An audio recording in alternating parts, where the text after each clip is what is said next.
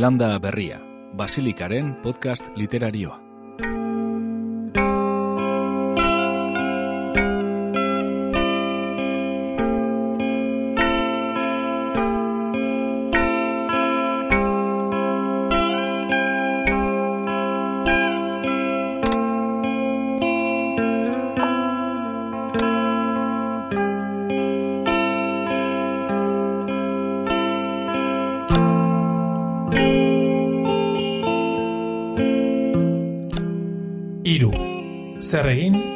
Romanarekin.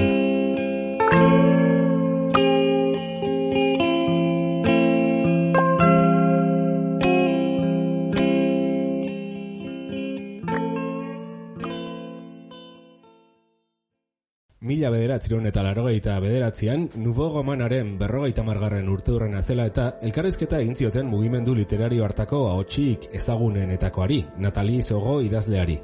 Eta besteak beste honako adirazi zuen.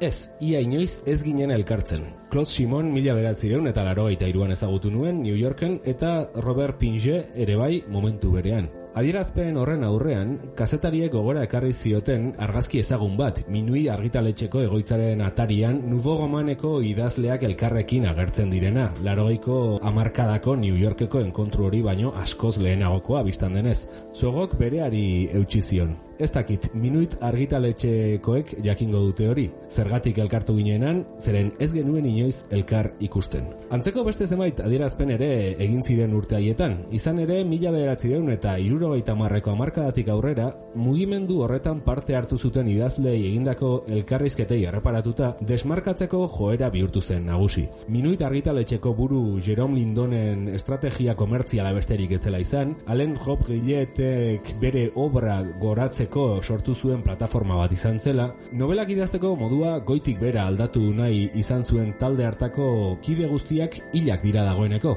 Eta beraz, ezinezkoa izango da haien ahotik Nubo Romanaren bilakabideari buruzko adierazpen berririk entzutea. Azken urteetan, askok izan zuten ukaziorako joerarin nabarduraren bat bilatu alizateko, baina idazleen gutuna geratu dira, haien egileak hila ala argitara atera direnak. Eta Nubo Gomaneko idazleen artean trukatutako mezu hoiek, haien egile gerora beren historia berrirakurri duten modua gora bera, mugimendu horri buruzko informazio esanguratsua eskaintzen dute.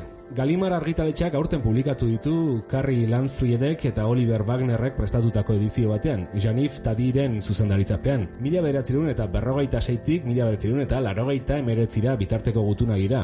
Michel Buto, Claude Moriak, Claude Ollier, Robert Pinge, Alain Hopgrille, Natalie Sogo eta Claude Simonek elkarri bidalitakoak. Material oso aberatsa da. Hogei garren mendeko erdialdean piztutako asmo handiko proiektu baten astapenak, une gorenak eta dekadentzia ezagutzeko lagungarriak izateaz gain, maiz eztabaida literarioetan eskutuan geratzen diren jarrera pertsonalak agerian geratzen baitira haiek irakurrita. Literatura berritu nahi izan zuten, baina beste abanguardia askori gertatu zaien bezala, urrengo moda literarioak atzeran geratu behar zuen kapitulu bihurtu zituen. Zenbait idazlek, bai, bizira diote denboraren epai horri. Claude Simonek Nobel saria eskuratu zuen larogeita bostean, Natalie Sogok e, irakurria izaten jarraitzen du, naiz eta behar bada ondorengo idazleengan utzi duen arrakastaren zati bat, hain justu novela berritu nahi zuen mugimenduarekin hautsi ondorengo obra izor zaien. Eta korronte honetaz hitz egiten den bakoitzean, Allen Rob Gilleten izena agertzen da. Bera da, behar bada, mugimenduaren espiritua oberen gorde duena. Gaur, Zelanda berrian, Nubo Romanaren arrastoak bilatuko ditugu. Bikote bat Gelautxean. Gizonak pensatzen du Eskua kokotxean. Tandriak Pensatzen du Zutik Leiondoan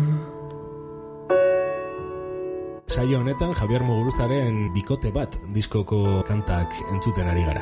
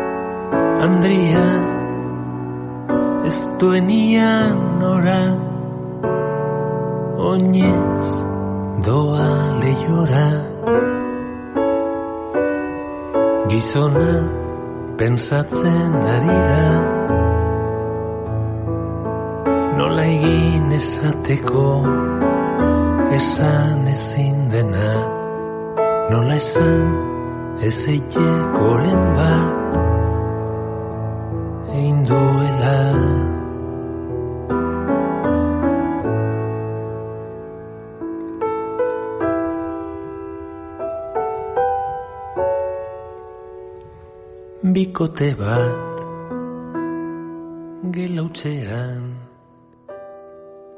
Gizonak pensatzen du Eskua kokotxean Korka berezi hartua.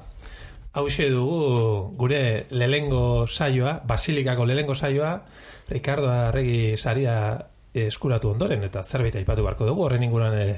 Bai, egia esan, e, bueno, nahiko sorpresan hartu gaitu Basilikako kide guztiak, eta, eta bueno, ba, lehenik eta behin eskerrak epaimaiari errekonozimendu horrengatik noski, e, eta baita ere, e, bueno, ba, aurten hasi dugu proiektu hau, eta eta hasieratik nabaritu dugu, badagoela jende bat, ba, bueno, argitaratzen dugun podcast bakoitzari harreta jartzen diona, eta bere saretan ere zabaltzen duena, E, badakigu, mm, lantzen ditugun gaiak e, behar bada ez direla mm, medio nagusietan, kulturako horrietan agertzen diren hoiek izaten, eta nik uste dut, ba, ba bueno, beste sare hoiek eta beste zeharbide hoiek lantzen lagundu diguten guzti hoien saria ere badela, ez, Ricardo Arregi saria. Bai, nominazioak berak ere asko harritu gintuen, sariak zer esanik ez. Eta, bueno, talde lanean egindako proiektu bat da. Hau, gurea, badakizue, eta bolondrez lanean oinarritutakoa, eta, bueno, gu ere pozi gaude horrelako sariek gauza hoiei ere erreperatzen dietelako, eta beraz, bueno, eskerrik asko esan da bezala, ba, bai epaimaiari, bai entzulei, Eta bueno, gorka gaurkoan gai berri badugu, sarrerako testua entzun dugu. E, nubo roman, zer egin nubo romanarekin? Zer egingo dugu nubo, nubo romanarekin gaur egun, gorka? Bai, ba, bueno, e, pixka laburtuko dugu azteko zer prestatu dugun. E, bueno, lehenik eta behin aztertuko dugu Alen Hopkilletek e, novela berri baterako izeneko saiakera horretan. Bildutako testu bat nagusiki aztertuko dugu. Gero, bueno, mm, hitz egingo dugu pixka bat ere, aurten galimarrek argitaratu duen liburu honetaz, ba, nubo gomaneko egileen arteko gutun trukeak e, zer zer berritasun edo zer zer errebelazio behar bada ematen dizkigun idazle bien arteko harremanez, ba orain arte nolabait mugimendu honen kontakizunetik kanpo gelditu zelako. Eta bueno, gero beste auzi batzuk ere landuko ditugu nubogomanarekin lotuta. Hor beti daniko zalantzetakoa da Samuel Beckett talde honetan sartu behar den edo ez. Mm, beste idazle batzuk ere sartu izan dituzte nubogomanaren etiketa horrenpean baina gero mm, bilakaerak ba, behar bada hortik kanpo uzten ditu. Bueno, gai hoietaz eh, jardungo dugu Eta azkenik, e, ba, beti presente dagoen gai bat eukituko dugu, ez? Eta da, berrikuntza literaturan, ez? Nondik berritu, berritu daiteken novela, kasu honetan, Nubo Gomanak bere apust, apustua edo apustuak egin zituen, eta, eta ea, bueno, ze ikuspegi dagoen horren atzean, e, nola ulertzen dugun garapenaren ideia bera literaturan, eta har, horrelako kontuak izango ditugu aipagai. Horixe da, gaur izango duguna, eta gorkak esan bezala, lehenengo, ba, Rob Gilleten testu batekin hasiko gara. Bueno, bere saiakera liburu nagusia, pugun nubo goman izenekoa da, gazteleaz por una nueva novela edo itzuli izan dena, gauzkeraz ez dago itzulia e, testu hau. Eta bertatik aukeratu dugu, bueno, berez saiakera hau artikulu bilduma bada, gai horretan berroita marreko amarkadan, Rob Gilleten ba, goraldian, goraldi betean bildu zituen artikulu bilduma da. Eta bertako ba, eriziki artikulu bat edo testu bat aztertuko dugu. Nozio zarkitu batzuei buruz izena du, berrogeita mazazpian argitaratu zuen testu hau. Eta nik uste, ba, neko, bueno, neurri polita ematen duela ikusteko zer den nubo romanen atzean zeintzu diren ideia nagusiak, ez? Eta, bueno, labur bilduz, esan dezakegu, asteko eta behin, mm, Rob Gillet eh, saiatzen dela, berak kritika tradizionala ditzen dion horren iztegia iraultzen edo nola baitez. Hau da, bere ustez, garai horretako kritika tradizionalak, novelaren ikusputu jakin bat naturalizatua zuen. Hau da, berak esaten zuen, garai horretan kritikak esaten zuela, novela molde jakin bateko izan behar zuela, ezinbestez. Eta Rob Gilletek saiatzen da esplikatzen, ba hori ez dela horrela, hori dela novelaren ideia jakin bat. Zehazki, balzaken edo meretzigarren mendeko hasierako novela gintzatik, datorren ideia badela. Baina hori ez dela zertan izan novela, etorkizuneko novelaren edo novela garaikidearen ideia bat, ez? Eta azkenean, berak bai liburu guztian zehar, eta bai artikulu guztian zehar, egingo duena da, ideia hori, ideia tradizional hori dekonstruitu, nola baita esateko, e, itza igual ez da bereziki egokiena, e, baina bai, azkenean nozio nagusi horiek, nozio zaharkitu, bera esaten duen no- nozio zaharkitu horiek kritikatzen eta iraultzen saiatzen da Gillet. Hor ja azteko ja liburu referentzial batzuk aipatzen ditu, bere ustez norabide hontan doazenak, hau da novela berritzen doazenak, eta aipatzen ditu adibidez Ulises James Joyceen Ulises eta Kafkaren gaztelua, berak esaten du garai horretan idazten, berroita mazazpian idazten, esaten du hogei tamar urte baino gehiago pasa diela novela horiek idatzi zi- zirenetik, eta hotxa eta ar- ardaila ere aipatzen du, Faulknerrena, e, hogei urte ondoren, frantsesez itzuli zena, gai, gai horretan, berroita mazazpian. Beraz, hildo horretan kokatu nahi du bere burua, eta kokatu nahi duten romanekoek beren burua, hau da, gutxi gora bera Flobertetik hasten den e, hildo bat, Flobertetik hasten da, eta gero hortik jongo lirateke, bai Joyce, bai Kafka, bai Faulkner, hoiek aipatzen dira gehien bat, hor gehitu genitzazke guk ba, Virginia Woolf eta bestelako Proust eta bestelako batzuk, Proust ere aipatzen dute momentu batean, eta hori da beraien operazioa, ez? Horretarako, ba, zentratzen da, ba, nozio jakin batzuetan. Eh? Lehenik eta bain pertsonaiaren kritika egiten du, gero historioarena, kompromisoarena, eta azkenik forma eta edukiaren gaian sartzen da. Labur bilduz, ze esaten du Rogrietek? Bueno, ba, labur bilduz esaten duena da, pertsonaiaren ideia, ideia indartsu hori, emeretzi mendetik datorrela, eta berak esaten du, bere ustez, momia bat dela. Balzaken novela gintzan, novela gilea bereziki da pertsonaia sortzailea, ez? Pertsonaia indartsuen sortzailea. Berak hain justu horren kontra egin nahi duela, eta pertsonaia urtuak edo sortu nahi dituela. Eta horretarako adibide batzuk jartzen ditu, bere ustez garai horretako novela gintza interesgarrienean, pertsonaia indartsu hau- hauen ba, beste alde da agertzen da, ez? Eta hor erabiltzen ditu ba, adibide batzuk, ba, adibidez goragaleaena, arrotza, gauaren muturreako bidaia, eta esate baterako esaten du, ba, beketek protagonista bati izen ba baino gehiago jartzen dizkiola, adibidez, edo Faulknerrek izen bera jartzen diela bi pertsonaia diferenteri, edo Kafkak adibidez pertsonaiari K deitzen diola, eta horrelako adibidea jartzen ditu esateko nolabait izen propioaren indar hori galtzen joaten dela novela oigarren mendean zehar, ez? Eta hori lotzen du oso interesgarria da nik uste ikuspuntu antropozentriko batekin. Hau da, berak esaten duna meretzigarren mendeko novela mm, burgesak baduela ikuspuntu antropozentriko individualista bat, ez? Oso burgesa dena. E, eta berak esaten du mm, garai hauek, hau da, bere garaiak direla gehiago matrikula zenbakiarenak eta ez hainbeste izen propioarenak. Ba, gero, nubo gomanarekin lotuta zeharka, ez, askotan gertatzen da, e, segun eta zein literatura mm, irakurtzen duzun, mm, askotan gomendatzen duzunean, demagun sare eta liburu bat, ez, e, jo, ze novela ona, ba, ezak, ni gertatu zitzaidan behin, e, sebalden e, novela batekin. Eta batek erantzun zian, zeri buruzko, ze- ze- zer kontatzen du novelak, ez? Eta, badago novela mota bat eta nubo gomana nik uste dut e, horretan sartzen dela bete-betean historioaren kontuare zer kontatzen duen hori bueno, ba, asko erratibizatzen duena ez? Bai, bai, hain justu Ralph Gilletek esaten duen bigarre puntua da kritikatzen du historiaren ideia hau, ez? Hain errotua dagoena gaur egun ere. Hau da, novela gile bat dela historio kontatzaile on bat, ez? Hau da, novela on bat dela historio on bat duen novela. Eta bere ustez, hori erabat bigarre mailako kontu bat da, ez? Ideia horren atzean dago, ba hori, azkenean novela batek kontatu behar ditula peripezia pilpiragarriak, zirraragarriak, dramatikoak, nolabait pasadizuen edo anekdoten novelak, ez? Eta zenbat eta interesgarriagoak eta kitzikagarriagoak izan pasadizo edo peripezio horiek, orduan eta hobe izango da novela hori, ez? Eta, bueno, ideia klasiko hori ez, korapiloaren garrantzia, suspensearen garrantzia, bukaera on baten garrantzia.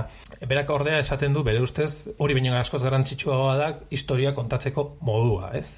Eta berak esaten du, ba, nobela gintza tradizional horrek ikusten duela idazketa tresna huts moduan, ez? Medio bat izango balitz bezala, iaia molestoa den medio bat, e, historia, benetako historia hori kontatzeko, ez? Zeren, ba, ikuspuntu tradizional horretan, berri diot, novelaren sakoneko gauza historioa e, litzateke. Berak ordea esaten duena da, azkenean funtsezkoa dela, nola idatzia dagoen historia hori, asmakizuna nola dagoen osatua, eta nola dagoen bilbatua, eta hori nolabait berak kokatzen du Flauberten abia puntua dela nolabait hori lantzea, ez? Sistema hau historiaren eta lehen pertsonaia aipatu dugu, mm, sistema hori ba zalantzan jartzen duen lehengoa nolabait Flaubert dela, ez? Eta horregatik trama edo historia hori errelatoaren oinarri izateari utzi diola. Eta hor jartzen du linea bat interesgarria, Flaubert aipatzen du, gero Proust, Follner, Beckett, eta ordun askoz interesgarriagoa da gero nubo romaneko beste kritiko ezagun batek, ez? Jean Ricarduk esan zuen hori, ez? E, hau da, ez abentura baten kontaketa, baina baizik eta kontaketa abentura moduan, ez? Eta berak, bai, nubo romanek aldarrikatuko duena da, kontaketa bera dela abentura eta ez alderantziz, ez? Eta hori interesgarria da gaur egundik ikustea, ze gaur egun oso zabaldu dago, hain justu berak tradizionaltzat jotzen duen ikuspuntu hori, zeinetan importantena historioa da eta bueno, hori oso lotuta dago merkatuarekin ere bai, mm. bai merkatuak eskatzen duena da mm, ba historia on bat, historia Bai, mugimendu pendularrak direla hauek, ez? Nola bait, e, garren mendearen ardialdean sortu zen mugimendu hau, eta eta hain justu, emeretzi garren mendeko novela atzat ulertzen dugun hori hartu zuen, bueno, gainditu beharreko, edo, edo behintzat, bai, ba, berritu beharreko e, formulatzat, baina bueltan bueltan ba bueno gaur egun eta esango nuke gainera e, niaren literaturarekin eta e, bueno e, literatura autobiografikoekin eta berriz ere itzuli garela e, pertsonaia gainera mm, autorea bera den pertsonaia hori eta E, bueno, ba, horixe, idazketa azkenean ibilgailu huts bat e, bihurtzen duen literatura batera. Horregatik ere iruditzen zitegon pixka bat interesgarria Ufo Gomanaren hau ekartzea, bueno, beste leio bat zabaldu ezakelako edo bergogorazi ezakelako. Bai, hain justu antro, berak egiten duen kritika antropozentrismoari hori, hortik ere interesgarri izan daiteke gaur egundik ikusteko, ez? Kritika hain justu e, nia eta gizakia geroz eta zentroagoan ematen du novela gintzan dagoela, ez? Konparatuta garai horiekin, naiz eta baita ere pentsatu beharko genuken garai horretan etzerera nubo romanekoak em, gehien saltzen zuten edo arrakasta gehien zuten idazleak inolaz ere, baina egia da hain justu bereiek aldarrikatzen dute Joyce eta eta Kafka eta bar. Gaur egun, bueno, ba, klasikoak direnak, baina bere garaian ez zirenak hain hain klasiko, ere, hori de kontuan izan behar da, ez? E, baina bai, zentzu horretan, gaur egun, eta nik uste hor merkatuak zergusia handia duela, ba, bestelako ideia batzuk dira nagusi, ez? Eta nik uste, bueno, ideia hauek, bai pertsonaia eta bai historiaren inguruko ideia hauek, ba, klabe interesgarria direla ulertzeko nubo romaneko idazleek e, zer duten buruan e, novela bat idazten hasten direnean, ez? Gustatzen zait gauez iristea Urrutiko lekuetara Hiri berri bat gauez Gertuago dago Gertuago sorlekutik Ta ematen du leku hori. Ez dela erabat berria Ez dela erabat arrotza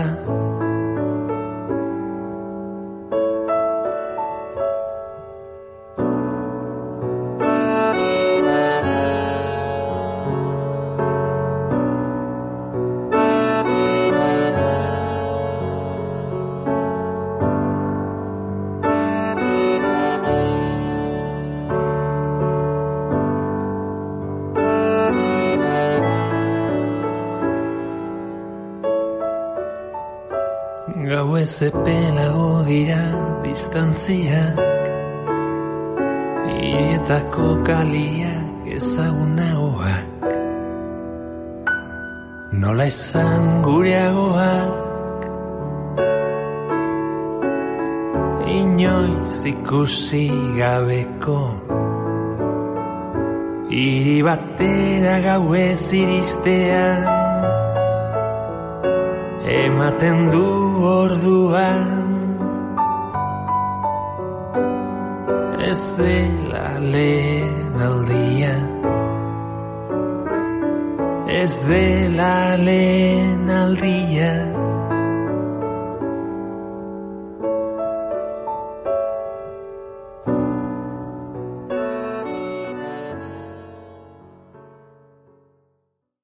oinarrizko ideia hauetatik abiatuta saio hau egiteko aitzakiara edo abia puntura jongo gara, ze gorkak lehen ipatu duen bezala, ba, liburu interesgarri bat argitaratu berri da, frantsesez Galimarrek argitaratu duena, eta ba, nuborramaneko idazleen arteko korrespondentzia edo ba, eskutiz trukea argitaratu direna bertan, ez, liburu horretan, eta badira egia esan, nolai, nuborromanaren zentroan kokatzen diren autoreak, zen. Egia da, autore hauetatik kanpo ere, ba, beste batzuk, ba, Beckett, eh, Duga eta beste autore batzuk aipatu izan direla, baina hauek izango lirateke nuborromanaren erdigunean dauden autoreak, ez? Bai, hori da, eta bueno, Galimarreko edizio honetan, bueno, ia mende erdia biltzen dute, azkenean e, gutun truke hauek, e, mila batzireun eta berrogeita seitik larogeita emeretzira bitarteko gutuna dira, Egia esan, e, Galimarreko edizioa mi zoragarria iruditu zait, eta baita, bueno, gutunen aur, aurkezpena ere nola eginda dagoen, ez? Mimo handiarekin egindako edizioa da egia esan.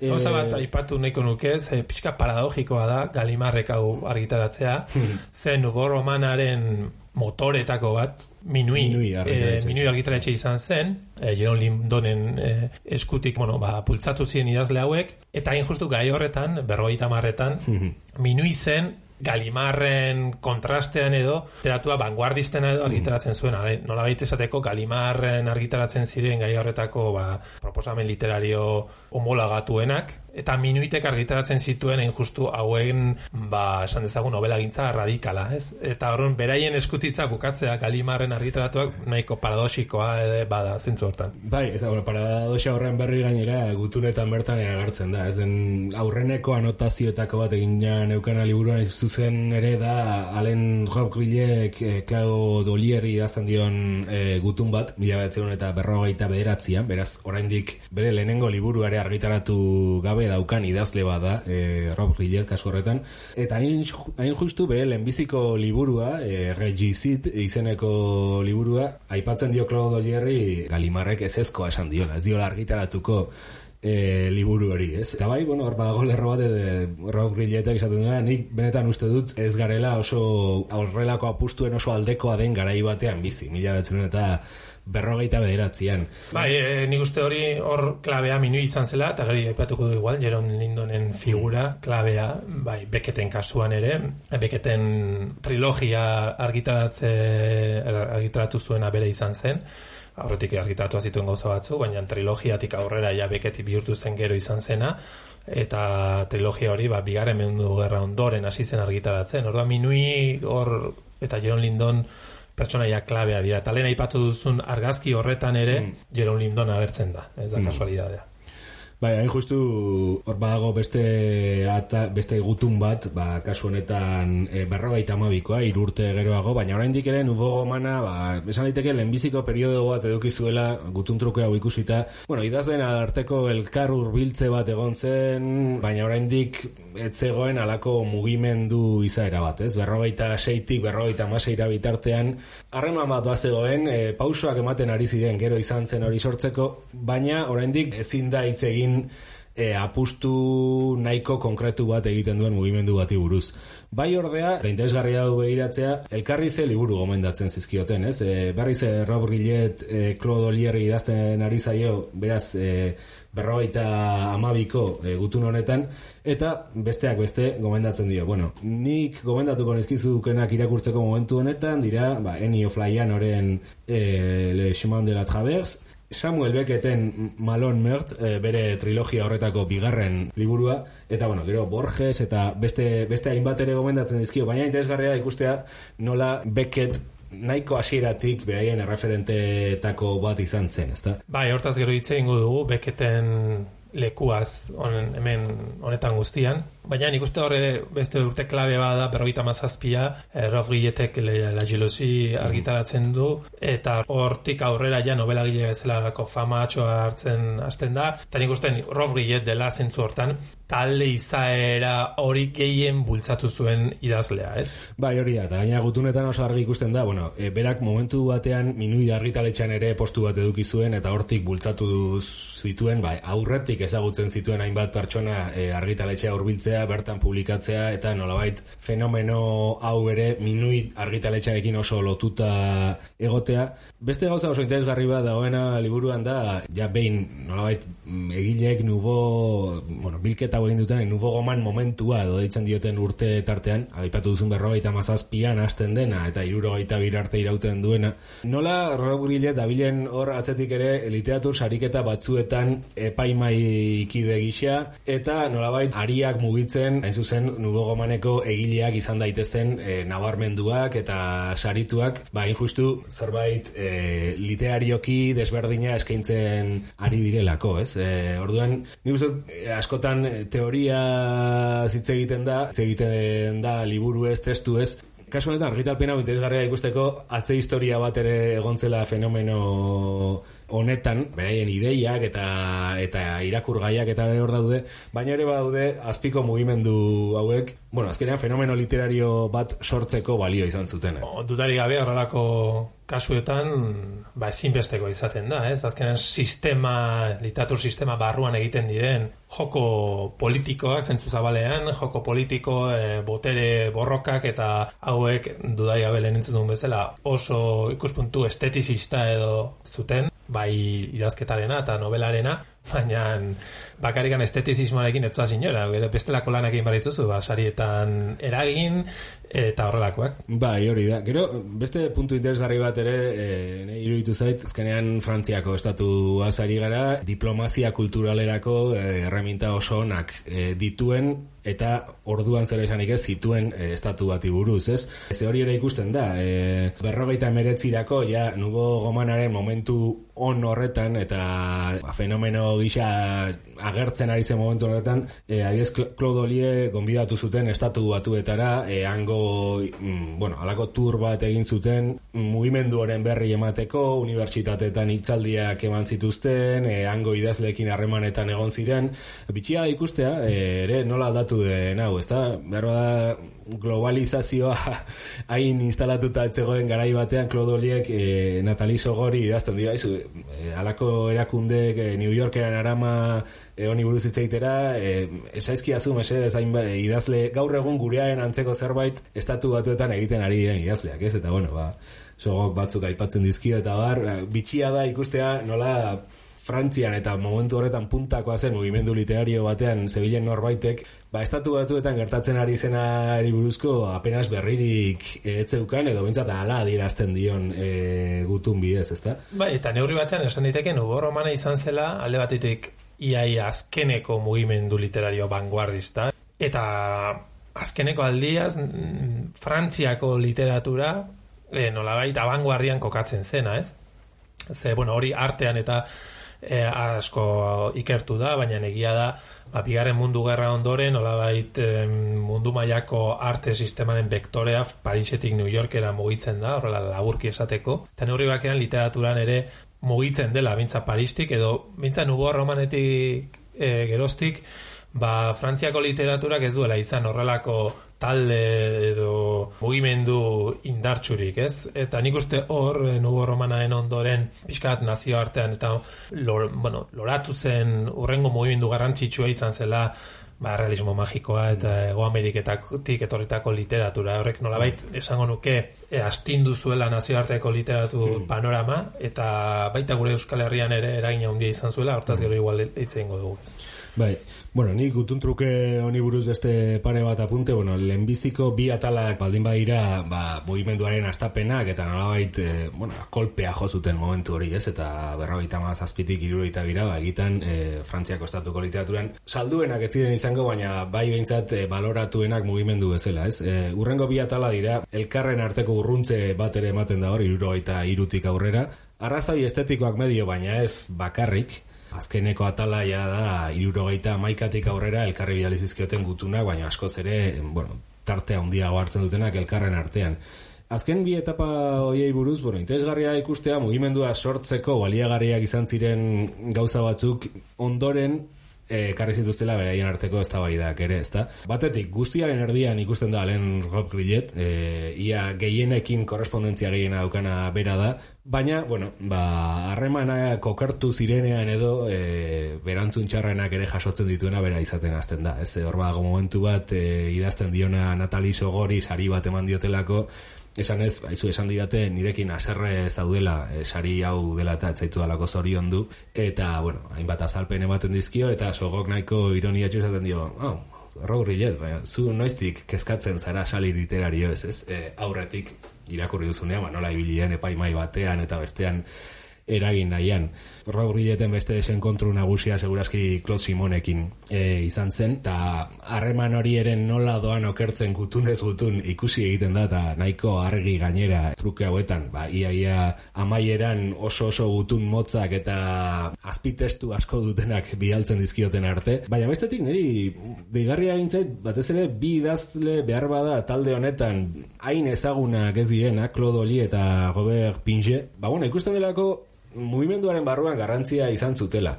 Eta gero behar bada, gelditu zirela bigarren plano batean, batez Robert Pinjeten kasuan e, behin baina gaiagotan aipatzen du, errekonozimendu falta, eta bueno, ez duela gehiago idatziko, eta bar, eta bar, baina talde horren barne ekosisteman, ba, ba ikusten da hemen e, bete zutela funtzio bat, da. Nire bintza gogoa eman dit, egia da, direla bi, bi idazle irakurri, e, ez erri irakurri ez didanak, ba, haien lanetara bizka bat urbiltzeko, ez? Bai, pinxeten kasuan, e, claro, berak gero, esango nuke, bere bilbide nagusia antzerkian egin zuela, mm, eta mm, hortik adibidez beketenekin izan zuen harremana. Azkenean, gai horretan beketek harremana gehien izan zuen hauekin guztiekin izan zen e, pinxetekin. Mm. Naiz eta aurretik sogot ezagutzen zuen. Baina bai, e, pinxetek gero gehiago antzerkitik egin zuen bere bilbidea, eta igual hortik ere, ba, bueno, ez eza una oa, geratu da, mm. ez? Horre, kuriosoa da, zain justu, esango nuke literaturaren historian geratu diren autoren nagusiak dira,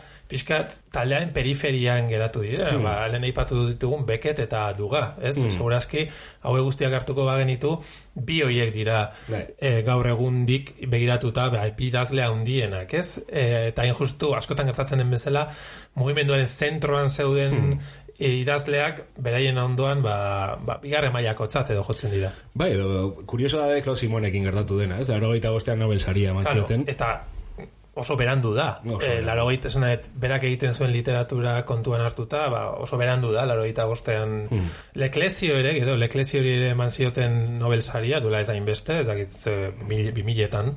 Eta leklesio ere momentu batzutan kokatu izan duten, Hugo Romanaren mm. gandik gertu, mm. eh?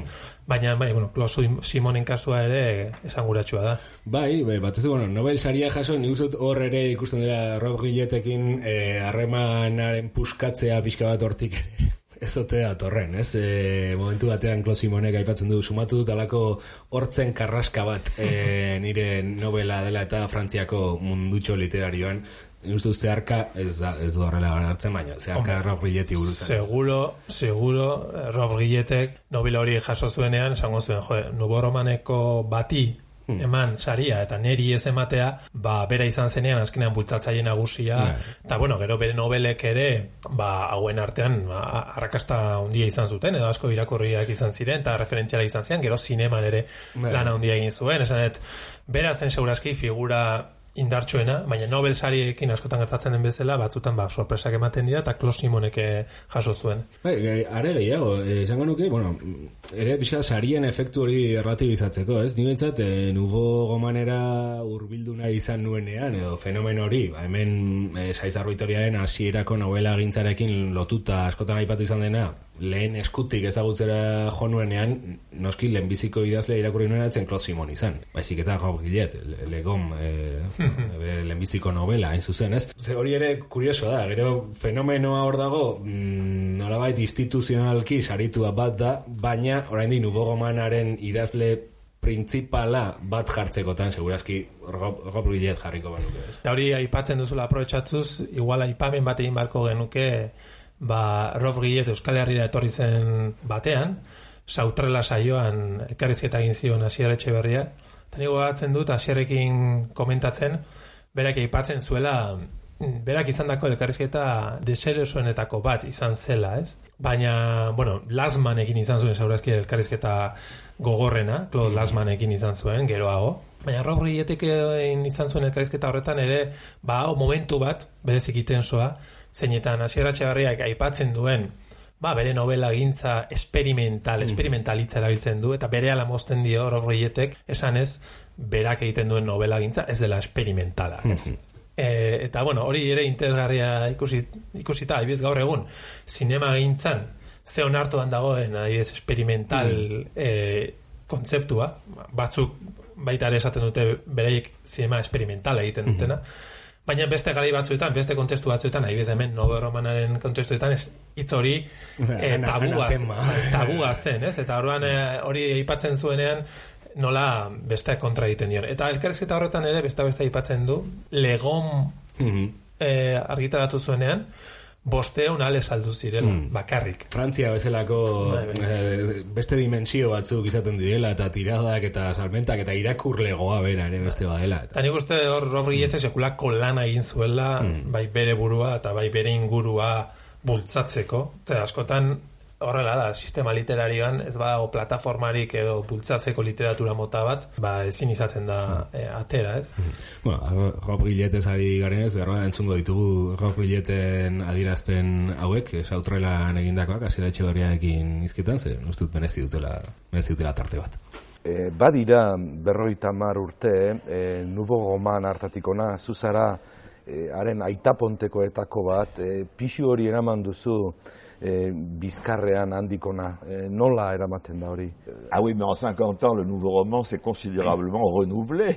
Ouais. Euh, entre, un, entre un livre comme euh, Les Gommes et un livre comme La Jalousie, il y a, il y a déjà euh, une très grande différence. Entre La Jalousie et, Les et, Gommes. et- et La Maison de Rendez-vous, euh, il y, a, il y a également une très grande différence. Entre La Maison de Rendez-vous et, et, et- et- et- et Projet pour une révolution, il y a également, etc. C'est-à-dire que euh, le roman, de mon point de vue, doit toujours être nouveau.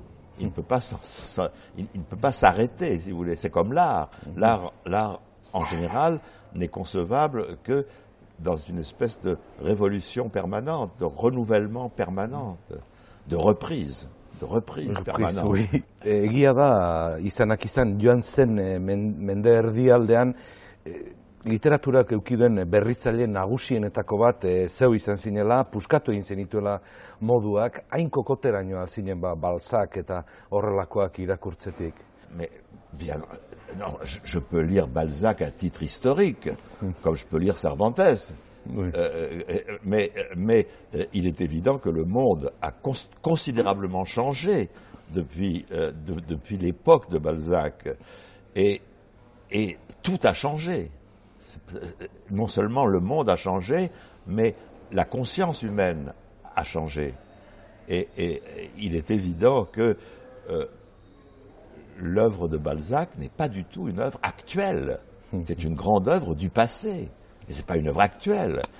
Et je crois que la critique française se serait moins étonnée des formes du nouveau roman s'ils avaient lu quelque chose après Balzac et Dickens. Malheureusement, on aurait dit qu'ils s'étaient arrêtés de lire. Or, euh, dans, dans la première moitié de ce XXe siècle, il y avait eu euh, Kafka euh, Faulkner, Ouais. Joyce, euh, Borges. euh, le, le- le roman a- avait commencé à changer depuis très longtemps. Déjà Flaubert Oui, oui, était du sûr. nouveau roman par rapport à Balzac.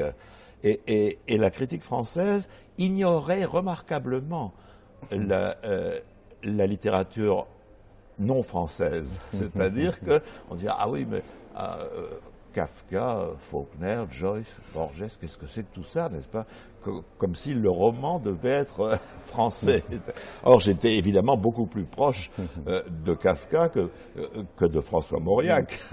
Ez alda egia hori, experimentalismo hori guztia. Mais moi j'aime pas le mot expérimental. C'est pas du Ah, roman expérimental. ah, ah. C'est du roman tout simplement. Ba, bai, bai.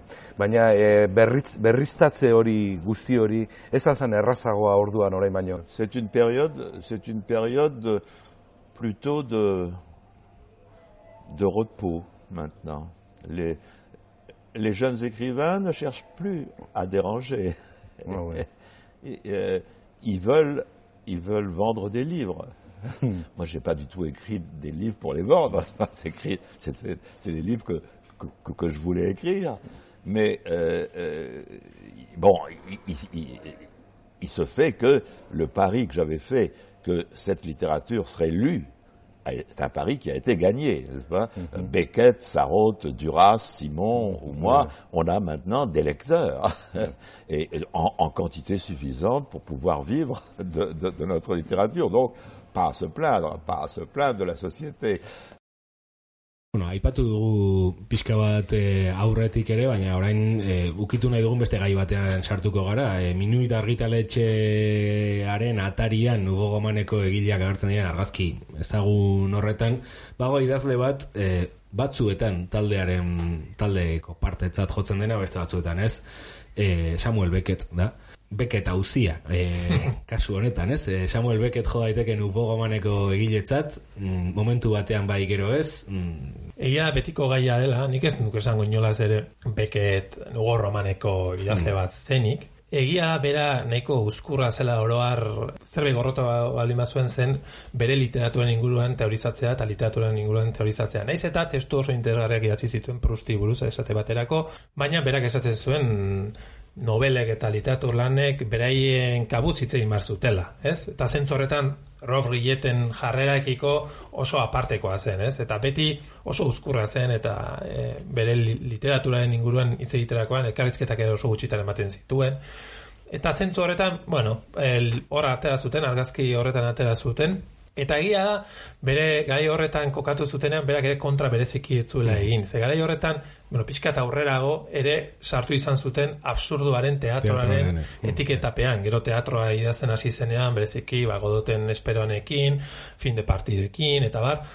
Eta hor bai, saiat, bera saiatu zela mugimendu horren dandik, ba, UNESCO eta beste batzuen gandik pixkat bere izten, ez? Nugo romanaekin ez zuen horrelako horik egin bereziki. Egia da zarragoa ere zela, hor eh, Natali Sogot da zarrena, em, eta, bueno, ia hogei urteko tartea dago zorrot eta rof gileten artean, adi- adibidez. Ja, hori ere esan guratxoa da. Hori ere importantea da, ez? Eta egia da, esan barra, beketek harremana lehenengo aldiz izan zuela hauetako idazle batekin, zorrotekin izan zela, bigarren mundu gerra betean, Parisen bizi zen Beckett eta erresistentziarekin bitxiko gobernua zegoen orduan, naziak zeuden indarrean e, Frantzian, eta mm, bera erresistentziako talde batean debilen, Beckett, eta pixkanak hasi ziren bere zelulako intelektualak ziren gehienak atxilotzen. Eta horren hanka egin behar izan zuen Beckettek, eta egun batzutan ba, kontatzen da bere biografietan eta kalean lotan ibili behar izan zela, mm, baita ere izkutatu behar izan zen baso batzuetan, bera eta bere maztea, biak, Eta horrela zebilela, ba, aukera izan zuen eh, zorroten etxean gelditzeko hamar egunez. ez? Eta hor kontatzen da, bueno, biografietan kontatzen da, ez zela bereziki ondo eraman e, zorrotekin, gehiago bere senarrarekin hobeto moldatu zela. Eta hori berrogeita lauean edo izan zen gutxi, berrogeita iru, berrogeita, berrogeita iruan ustet, e, izan zela hori.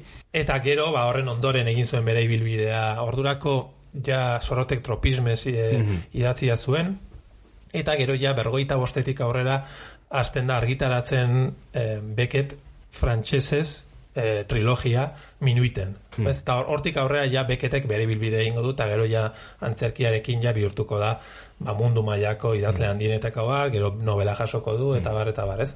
Baina orduan, etzenean hain ezaguna sorrotekin bigarren mundu gerran eh, elkar ezagutu zuten, eta gero berriro agertzen da argazki horretan sorrotekin ere bai, sorroten aldamenean, eta lehen esan duen bezala, hala ere, garai hortatik aurrera harreman handiago izango zuen pinxetekin, eta nola ez lindonekin, ze lindonen eskerrera argitaratu izan zuen frantsesez, ze e, moloiren manuskritoa hortik ibili zen e, hainbat argitaletxeetan, eta batzuek ba interesgarritzat jotzen zuten, baina ez zuten argitaratzen, azkenean lindonek argitaratu zuen arte minuiten, ez? Bai, neri gutunak irakurtzen ere emadian impresioa da, e, taldeko kide baino gehiago e, taldeko askoren inspirazio iturri, ez ote zen izan bere trilogia e, honekin, ez da, ze batean baina gehiagotan, edo moloi, edo malomeo, e, elkarri gomendatzen diote batzuk eta besteek eta e, hor aipatu dituzulen ere Folner eta eta Joycen Ulises eta bar ere aipatzen dira baina oso presentzia konstante bat gutunetan da e, elkarri ezu e, irakurri zazu beketen hau kontuan izan barra azkeneko autora, ipatzen duten azkeneko autora beket da. Hmm. Oda,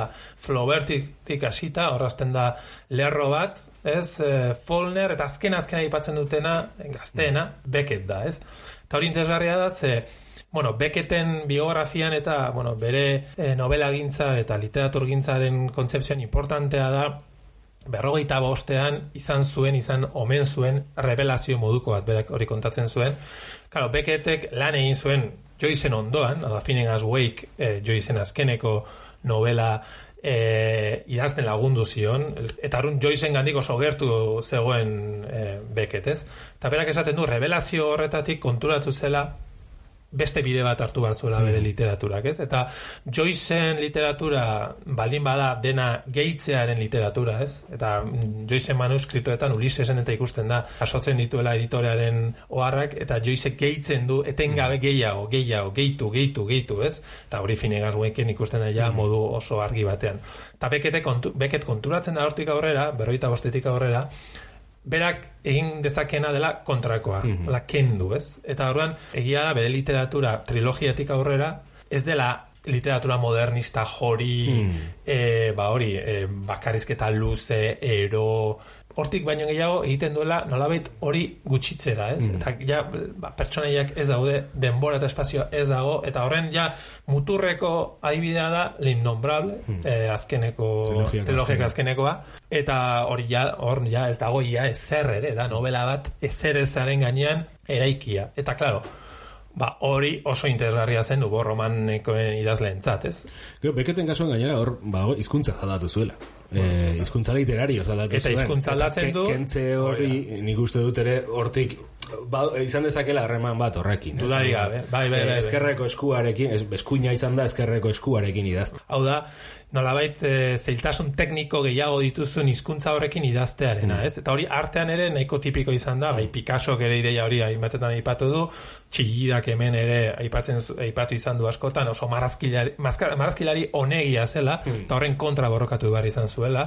Ba, beketen kasuan ere pixkatu hori da, ez? Eta kentzearen horretan, Joyce baldin bada, teknikaren eta teknika literariaren e, ba, bueno, sekulako espansio moduko bat, ba, frantsesaren bidez eta Mm. beketek bilatzen duena da pixka kontrakoa. Ustea, ustea, ez? Oteizien, o, ez? Ustea, ustea, eta azkenean giletzen zaizuna da lehen umbral, Mm. ez? E, edo baita bere teatroa, ere? Osa, Gogoten esperoan irakurtzen duzu, eta hori da oso oza simplea, ez? Hori da, liburu hauetako bat zer kontatzen du. Ez? Bai, hori da. Goten esperaranek, edo moloik, edo, edo malomerdek, ez? E, bide batez, bueno, aprobetxatuko dut esateko, egia da, aipatzen ari garen idazle hauetako gehienak e, ezin direla euskaraz irakurri, beketekin sorte hori badugu, eta ez, moloi, e, ba bueno, e, metokek, e, metok argita letxeak argitaratu zuen e, euskaraz, Gerardo Markuletaren itzulpenari esker, eta bueno, Gero teatroa ere badago zer godoten esperoan Juan Gartziak itzuli zuen, eta gero beste testu soltoren bat ere badago, eh, beketena, baina bai, eh, sogot eta hauek ez daude. Ez dago, ez eta dago. Ere ez dago. Robrillet esango nuke ez ez. Bai, bai, eta kuriosoa da, ze, ba, eragin zuzena izan zuen bereziki giro honek, ba, Saizar Vitoriaren gan, ez? Eta Saizar Vitoria hain novela azle importante izan den Euskal Literatuaren berrikuntza horretan. Kuriosoa da, ba, hauen lanik ez egotea euskaratua, ez?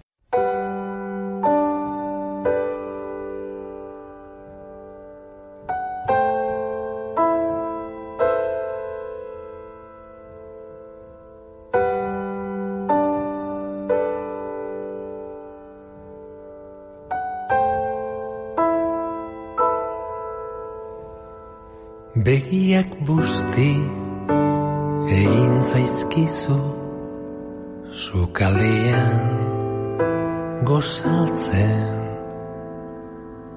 Solazian ari ginenian Eta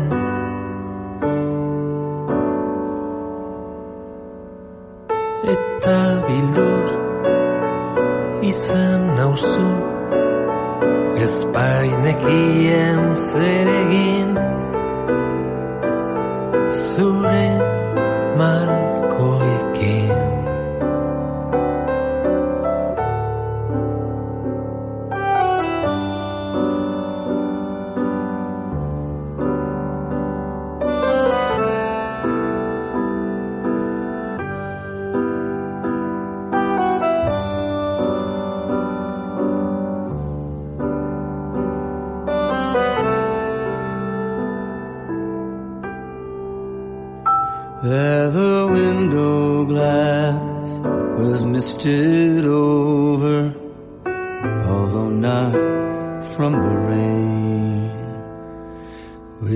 falling,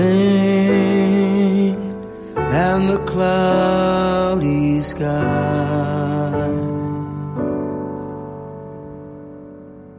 That big black harp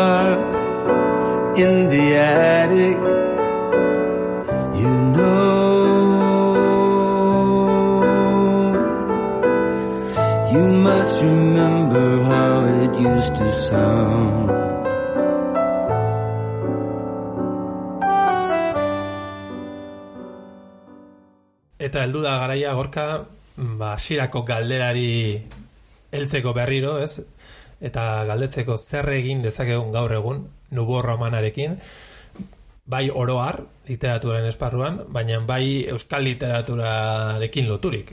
Bai, nik, bueno, oroar, nik uste dut lehenbiziko gauza, e, eta horretan saiatu gara saio honetan dela, gogora ekartzea mugimendu hau, idazle hauek hor egon zirela, eta beraien arrastoa utzi zutela, bai frantziako literatura, bai nazioartekoan. Bai, eta gehiago gustatu edo gutxiago gustatu beraien proposamenak, beraien planteamenduak, egia da, termino literarioetan saiatzen zirela argudiatzen, debatitzen, eta eta hori nik uste oso interesgarria dela, ez? E, beraiek gabe aldarrikatzen zuen hitz egitea novelaren adiz denbora, ez? Ze, nola, e, ze suposatzen duen adibidez adiz denbora bat erabiltzeak edo beste bat, e, pertsona, hirugarren pertsona edo lehengo pertsona erabiltzeak, termino horietan debatitzean nik uste aldarrikatu barren zerbait dela. Gutunetako batean aipatzen du berak, nahiko gazte, eh? uste dut gutuna jatzi zuenean, hogeita, hogeita mar urte ere zituen, berak sortu nahi zuela zela makina infernal bat bere formagatik inposatuko den. Ez, eh, bueno, oso, oso gaztetatik, ba, asmo handia da, baina egia, esan behar da, eh,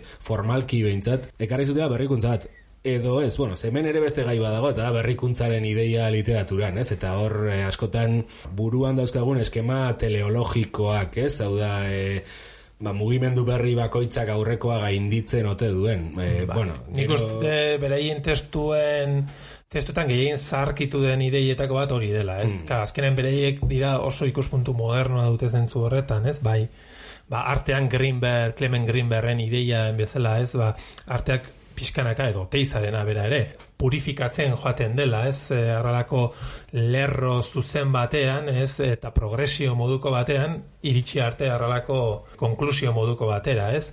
Eta hemen ere pixkat ideia hori dago atzean, ez? Ba, bai, Flaubertetik hasten den lerro hori entzeinetan, ba, historioak, mm, pertsonaiek e, geroz eta garrantzia gutxiago duten, eta hori muturrera ematen duzu, eta iristen zera nubo romana daino. Ikuspuntu horretatik, gero geratzen zaizuna, zer da?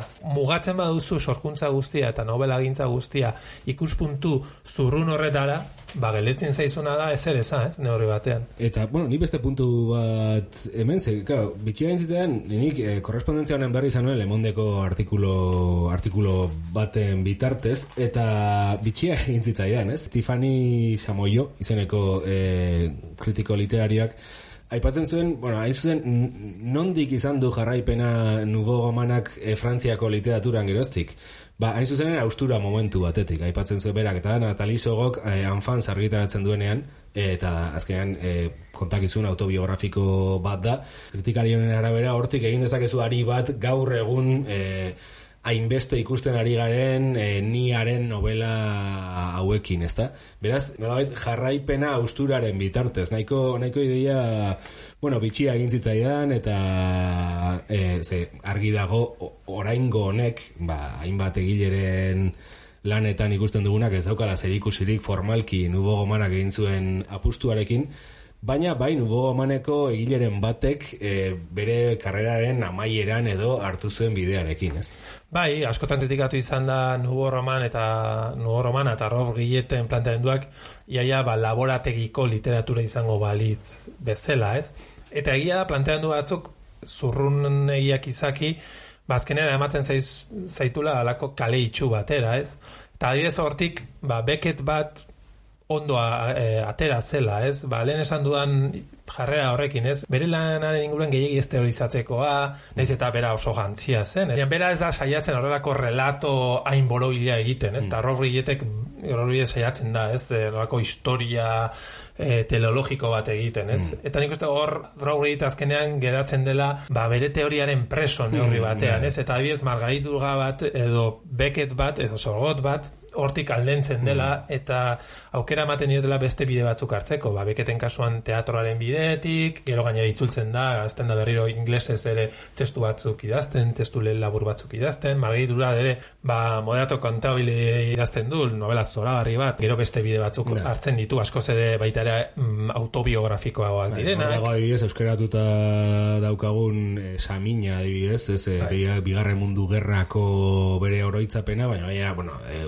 amarkada batzuetako e, tartearekin berri datzi zituena gorduko Ba, edo amantea, bueno, ez Bai, euskaraz dago, bai, bai. maitalea, hori Bai, bai. maitalea, eta bai, beste bide batzuk hartzen ditu. Eta gero esan bar da baita ere, Nogo Romanaren barruko idazlen artean oso estrategia ezberdinak erabili zituztela, en, esan ezagun abia puntu edo ideia teoriko orokorroietatik, gero, ba, gauzatu zi- zutela bereien literatura oso modu ezberdinean, bartzen bazu la jelosi adibidez rogrietena, eta Natali Sorroten e, nik gaztea irakurri daukat eta parkatuko dit e, urtzi urtiko etxeak, baina el retrato de un desconocido ez dakate zer ikusirik. Eh, bat mm, bakarrizketa oso komplexu eta luze bada eta beste askoz ere mm, hotzagoa, ez? Eta adibidez, mm, Margaritura zen kontabilen ere, moderato kontabilen ere, ba, abia puntua da oso hotza, o, ederra da, hau da, iaia zinea ikusten ariko bazina bezala da, baina gero, bigarren zatian gauza ezberdinak egiten ditu, ez? Eta nolabait rogrieten jantzi estu horretatik aldentzen da pixkanaka, ez? Bueno, amaitzen joan beharko dugu, baina ez dugu amaitu nahi, e, aipatu gabe, mugimendu honek euskal literaturan ere eragin bat izan zuela bere garaian eta eta bueno, ba, horrekin zer gertatu den edo zer geratu den ere, ba, mereziko lukela. Aipatu dugu nubo gomaneko idazle gehienak ez daudela euskaratuta, baina beti aipatu izan da, ia ia nik esango nuke klitxe bat bihurtzeraino e, Ramon Saizar Vitoriaren lehen novela gintzan nubo gomanaren eragina hor zegoela Bueno, e, hori ere bada gai interesgarri bat, ez? E, Saizar Vitoriaren lehenbiziko hiru novelak esango nuke nik lotu ditzakezula gehien e, mugimendu honekin.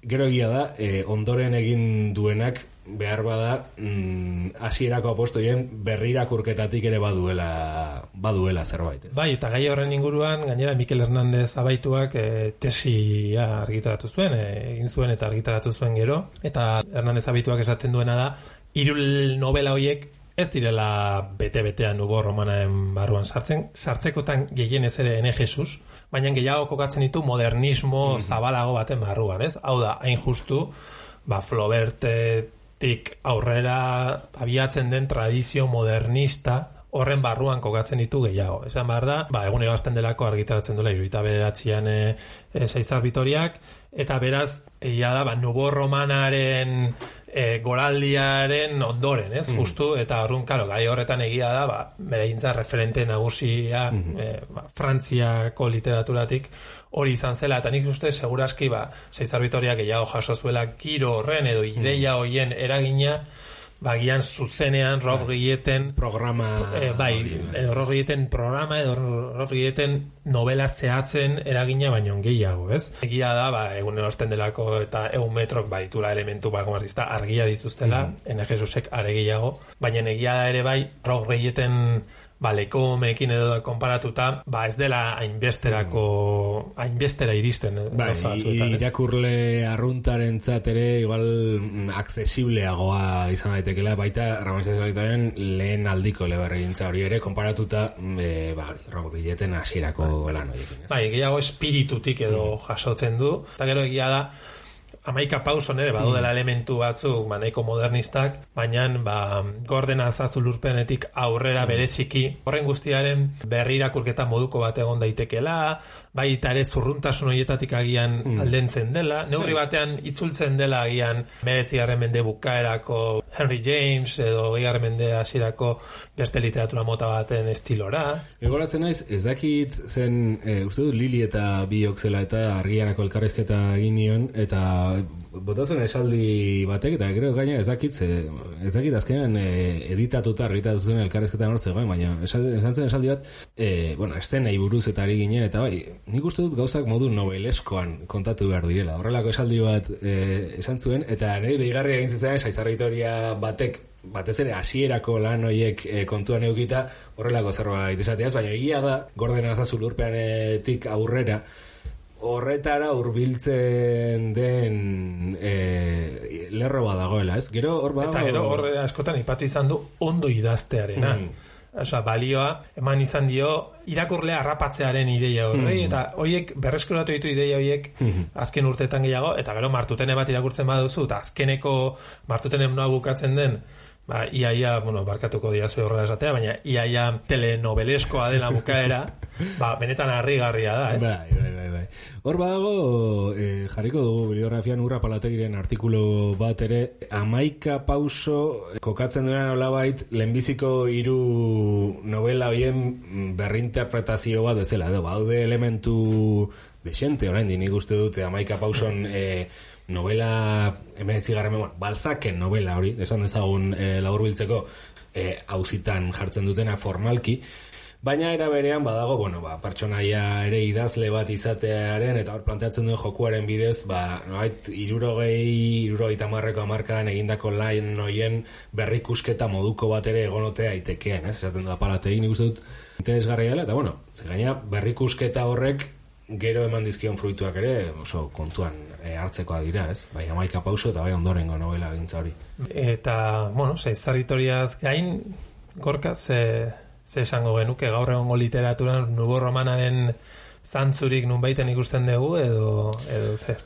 Ba, ez behintzat eh, alako suplemento literariotan eta, eta agertzen agertze, agertu diren liburuetan, ezta? E, egia da, eta hor, arrasto bat bai gelditu dela, minuit argitaletxean. Segitzen du izaten argitaletxe bat, nahiko goza bereziak ateratzen dituena, ez? Bai, eta hor nik uste er- alderrekatu behar dugu berriro John Lindonen lana, mm. dola urte gutxi hil zena, eta berak berrogeita bostean okerretu nahiz hartze, hartu zuen minuiten kidaritza, eta orduan Lindonek zituen hogeita iru, hogeita lau urte izango zituen. Oso oso gaztea zen. Eta nik uste eredu da da, gero, gero ere gauzak irakurtzen ditugu, eta gauza hauetaz ez gira konturatzen, baina hogeita bi, hogeita iru urteko gazte batek zelako lan egin zuen, ez? Eta ba, bueno, ojala gaur egun ere horlakoak izango bagenitu, ez? Edizio, edizio mailan eta bu- bultzatzen, ez? Be- Bestelako literatura bat. Bai, hori, nik arrasto bat entzatat geratzekotan, nik uste minuitek segitzen du izaten, eta, bueno, ez dakit, ba, hain e, Frantziako, uste dut, konkursarirako finalista izan da Tangi Biel izenako, izeneko idazle bat, eta, bueno, ez da, nugo gomanaren estiloko zerbait egiten duen norbait, baina ez da ere e, liburu konbentzionalak egite dituen norbait. Claro, egia Rodriguetek esaten zuela, nubo roman eh, beti izan marzela berria, alegia, ezin zela gelditu berroita marretan proposatu zuten molde horretan. Ze berria izango baldin bada etengabe berritu behar dena, ez? Ez luke zentzurik izango, ikuspuntu horretatik gaur egun, haien motako, exactamente haien motako novela gintza egitea, ez? Hori ere interesgarria litzateke, ez da gehiago nola beraiek ireki zituzten bide batzuk nola hartu dit- ditzakezun eta gaur egungo kontestuan, bestelako kontestu batean, bestelako literaturgintza batzuetan, ze irakaspen edo ze elementu jaso ditzakezun, ez? Gehiago hori da pixkat galdetu beharko genukena, eta agian hor lehen zeizar bitoria epatu dugu, eta igual bera hori egiten saiatu da bere azkeneko mm. literaturan, eh? ez hainbeste bertan zegoena bere horretan jasotzen eta errepikatzen, ez? Hor, galdera handi bat gelditzen da pendientez, eta gaur egun e, novela bezalako zerbait nundik berritu daitekeen, ez?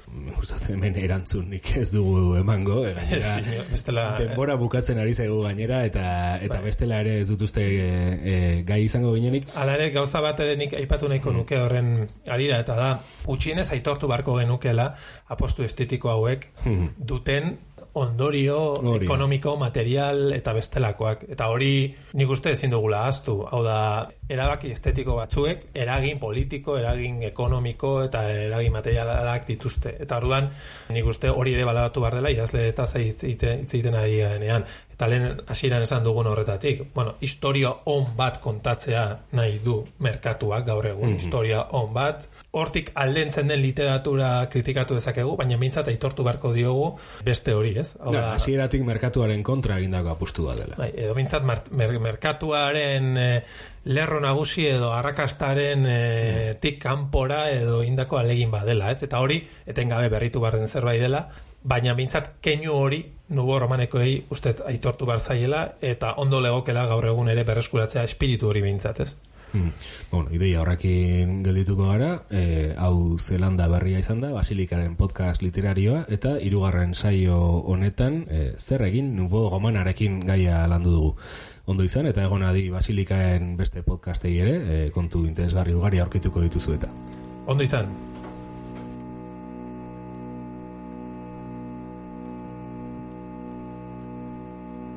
Judizio generalaz nola horit ez dira. Bekatuan bizi dira beti bere aixira. Egun hartan galezkiten aitzinetik begira Hanor duian ez dukegu ehork ere aizina. Arza zuntza